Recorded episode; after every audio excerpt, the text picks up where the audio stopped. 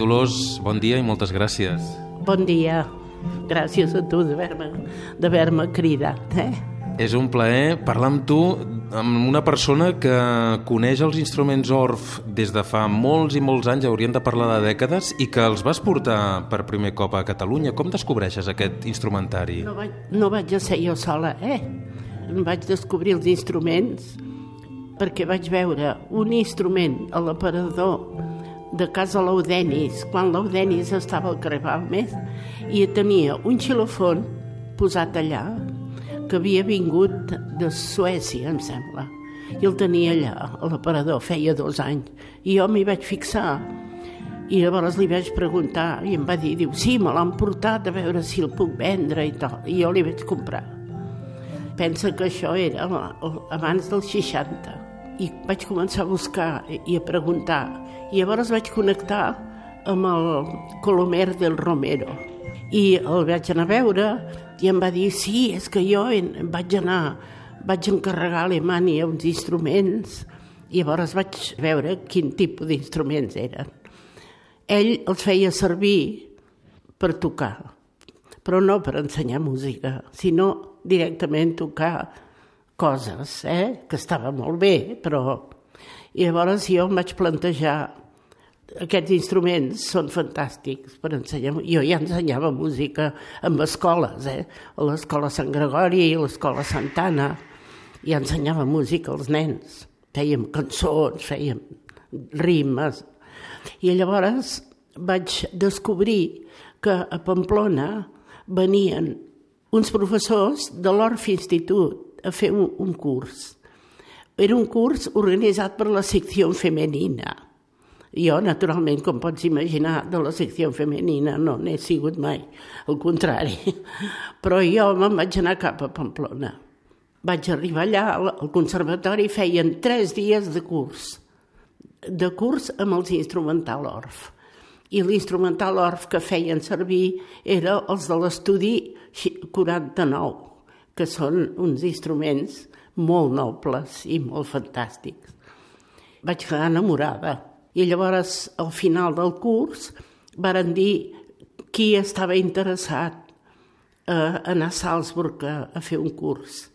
I, naturalment, vaig aixecar la mà ràpidament. Llavors em van dir que tenien dues places, una per Itàlia i una per Espanya. I em, va, em van fer una prova i al cap de mig any vaig rebre una carta del Goethe Institut que em donaven una beca per anar a Salzburg. Has parlat d'una sèrie, la sèrie 49, de l'instrumentari Orff. Hem parlat del xilòfon. Quins instruments formen els instruments Orff? Bueno, el Karl Orff té un, un, un mètode per ensenyar música que es basa principalment en els instruments. Aquests instruments són instruments que tenen una avantatge fantàstica, tenen harmonia, quan es toquen tots junts, harmonia perfecta, molt de ritme, i és molt interessant, perquè poses el nen en contacte amb un instrument que pot dominar immediatament. I llavors això és la... Si el fa servir bé, és un, una engrescada. Els nens ja s'hi tiren a sobre. Mira, els xilofons estan inspirats de fusta amb eh, instruments africans. Els metalofons i els carillons amb instruments xinos.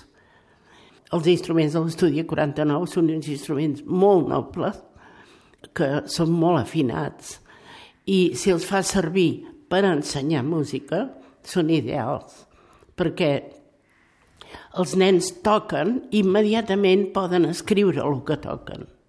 Eh? I es poden fer partitures amb tres i quatre veus. Veuen el que ells toquen, més el que toquen els altres, més l'harmonia general.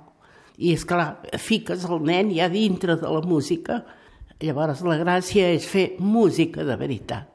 De veritat què vol dir? Vol dir amb cançons populars, amb coses que els nens els, hi, els acaptin perquè, perquè és la nostra cultura, amb música de veritat, de Mozart, Haydn, d'allà on, on, on tu vulguis trobar i pots tocar amb aquests instruments. I després hi ha un altre avantatge molt gran, Aquests instruments són instruments que les tecles es poden treure. Llavors pots fer una escala pentatònica, amb la qual pots fer improvisació i els nens es poden inventar melodies i sempre sona bé perquè són pentatònics. Llavors pots barrejar les dues coses. És molt interessant. I tot això ho, ho vas descobrir primer a, a Pamplona i després a Salzburg. Sí, és clar. Jo intuïa que aquests instruments serien una eina fantàstica. I llavors, quan vaig anar a Salzburg, em, em vaig corroborar el meu pensament de què era. És clar, vaig estar tot un any i mig estudiant en l'Orf Institut i a més a més vaig estudiar també el Mozarteum perquè l'Orf Institut pertany al Mozarteum. Vaig estudiar, vaig fer cambra, vaig fer amb la flauta dolça, cant, vaig fer coro, vaig fer tot el que vaig poder.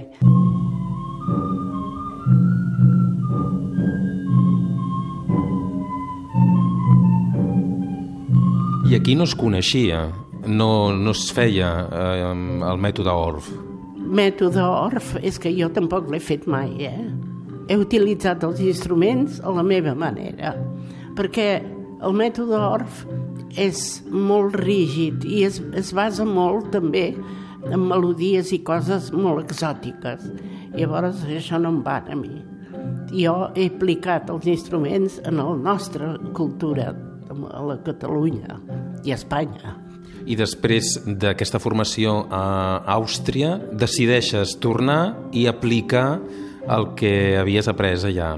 Jo ja tenia al cap de fer una escola, començar una escola diferent, una escola de música diferent, on, on els nens estiguessin tranquils, on no hi hagués exàmens, no hi haguessin llibres de text d'aquests que corren per aquests mons de Déu. Que es fos una escola on els nens s'eduquessin a través de la música, que és molt diferent. Llavors, no volia de cap manera que els nens estiguessin al servei d'un instrument, sinó l'instrument al servei de l'escriptura. I actualment continua així. El piano, el clarinet, el flauta travessera, tots els instruments que toquen el cello, viola de gamba, tots aquests instruments al servei de la criatura perquè creixi, perquè aprengui música, perquè s'entusiasmi, perquè faci música de càmera ben feta, amb els instruments orf també, perquè es pot fer moltes coses amb instruments corrents, violins i tot. Això i aplicar també els instruments orf, perquè pots fer els baixos amb instruments orf que sonen molt bonic d'aquell somni ja han passat 50 anys. Sí, 50 anys el meu pare em va ajudar a comprar els instruments que eren caríssims, que són caríssims, i vaig començar amb tota la col·lecció d'instruments, a més a més de les flautes, perquè, per exemple, la flauta, doncs, al cap d'un any de, de començar l'art, en Romascales era flautista, i el vaig cridar per ser professor, perquè era el millor. I llavors va venir a fer classe. Mira, va fer classe ja a la que actualment és la directora, que és la Mireia Hernández. La Mireia Hernández, que es va casar amb l'Albert Romaní, per desgràcia, va morir l'any passat, que va ser sempre un professor de l'escola, que va donar a l'arc, ha donat tot la seva saviesa. I mentre va estar malalt, va, va composar, va, va adaptar, composar no, adaptar la flauta màgica perquè aquest any la poguéssim fer tots els nens de l'escola i, i la farem el mes d'abril. T'és convidat. I si podem hi vindrem. Quin paper juguen els instruments en la teva vida, Maria Dolors? Els instruments, bueno, la música més, la, la, la pedagogia més que res la, meva, a la meva vida els instruments han sigut una eina que he fet servir, però jo el que sempre he pretès és ensenyar música, educar a través de la música, que els nens poguessin créixer amb aquest sentit d'encomanar-se, entusiasmar-se i formar-se de veritat, saps? Ser persones a través de la música, sensibilitzar-se per tot, estimar el que estan fent, el mestre, el que ensenya, primer s'ha de plantejar molt si allò que ensenya s'ho creu de veritat. Per tant, penso que només es pot ensenyar el que realment s'estima. Llavors pots transmetre. Maria Dolors Bonal, moltíssimes gràcies per aquesta estona, per aquests minuts i moltes felicitats pels 50 anys de l'ARC, però sobretot per tota aquesta vida i aquesta generositat a través de la música. Moltes gràcies a tu d'haver-me convidat.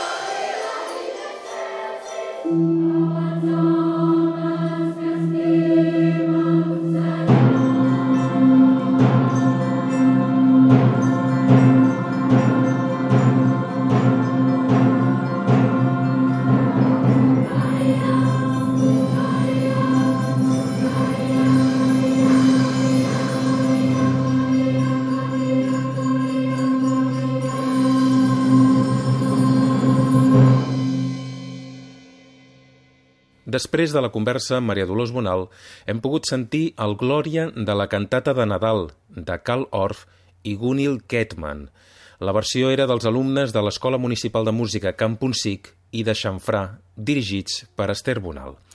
D'aquí unes setmanes tornarem a sentir Maria Dolors Bonal al taller del Luthier. Serà en una altra conversa on ens parlarà de la importància que les flautes de bec han tingut sempre a l'Escola de Música que va fundar ara fa 50 anys.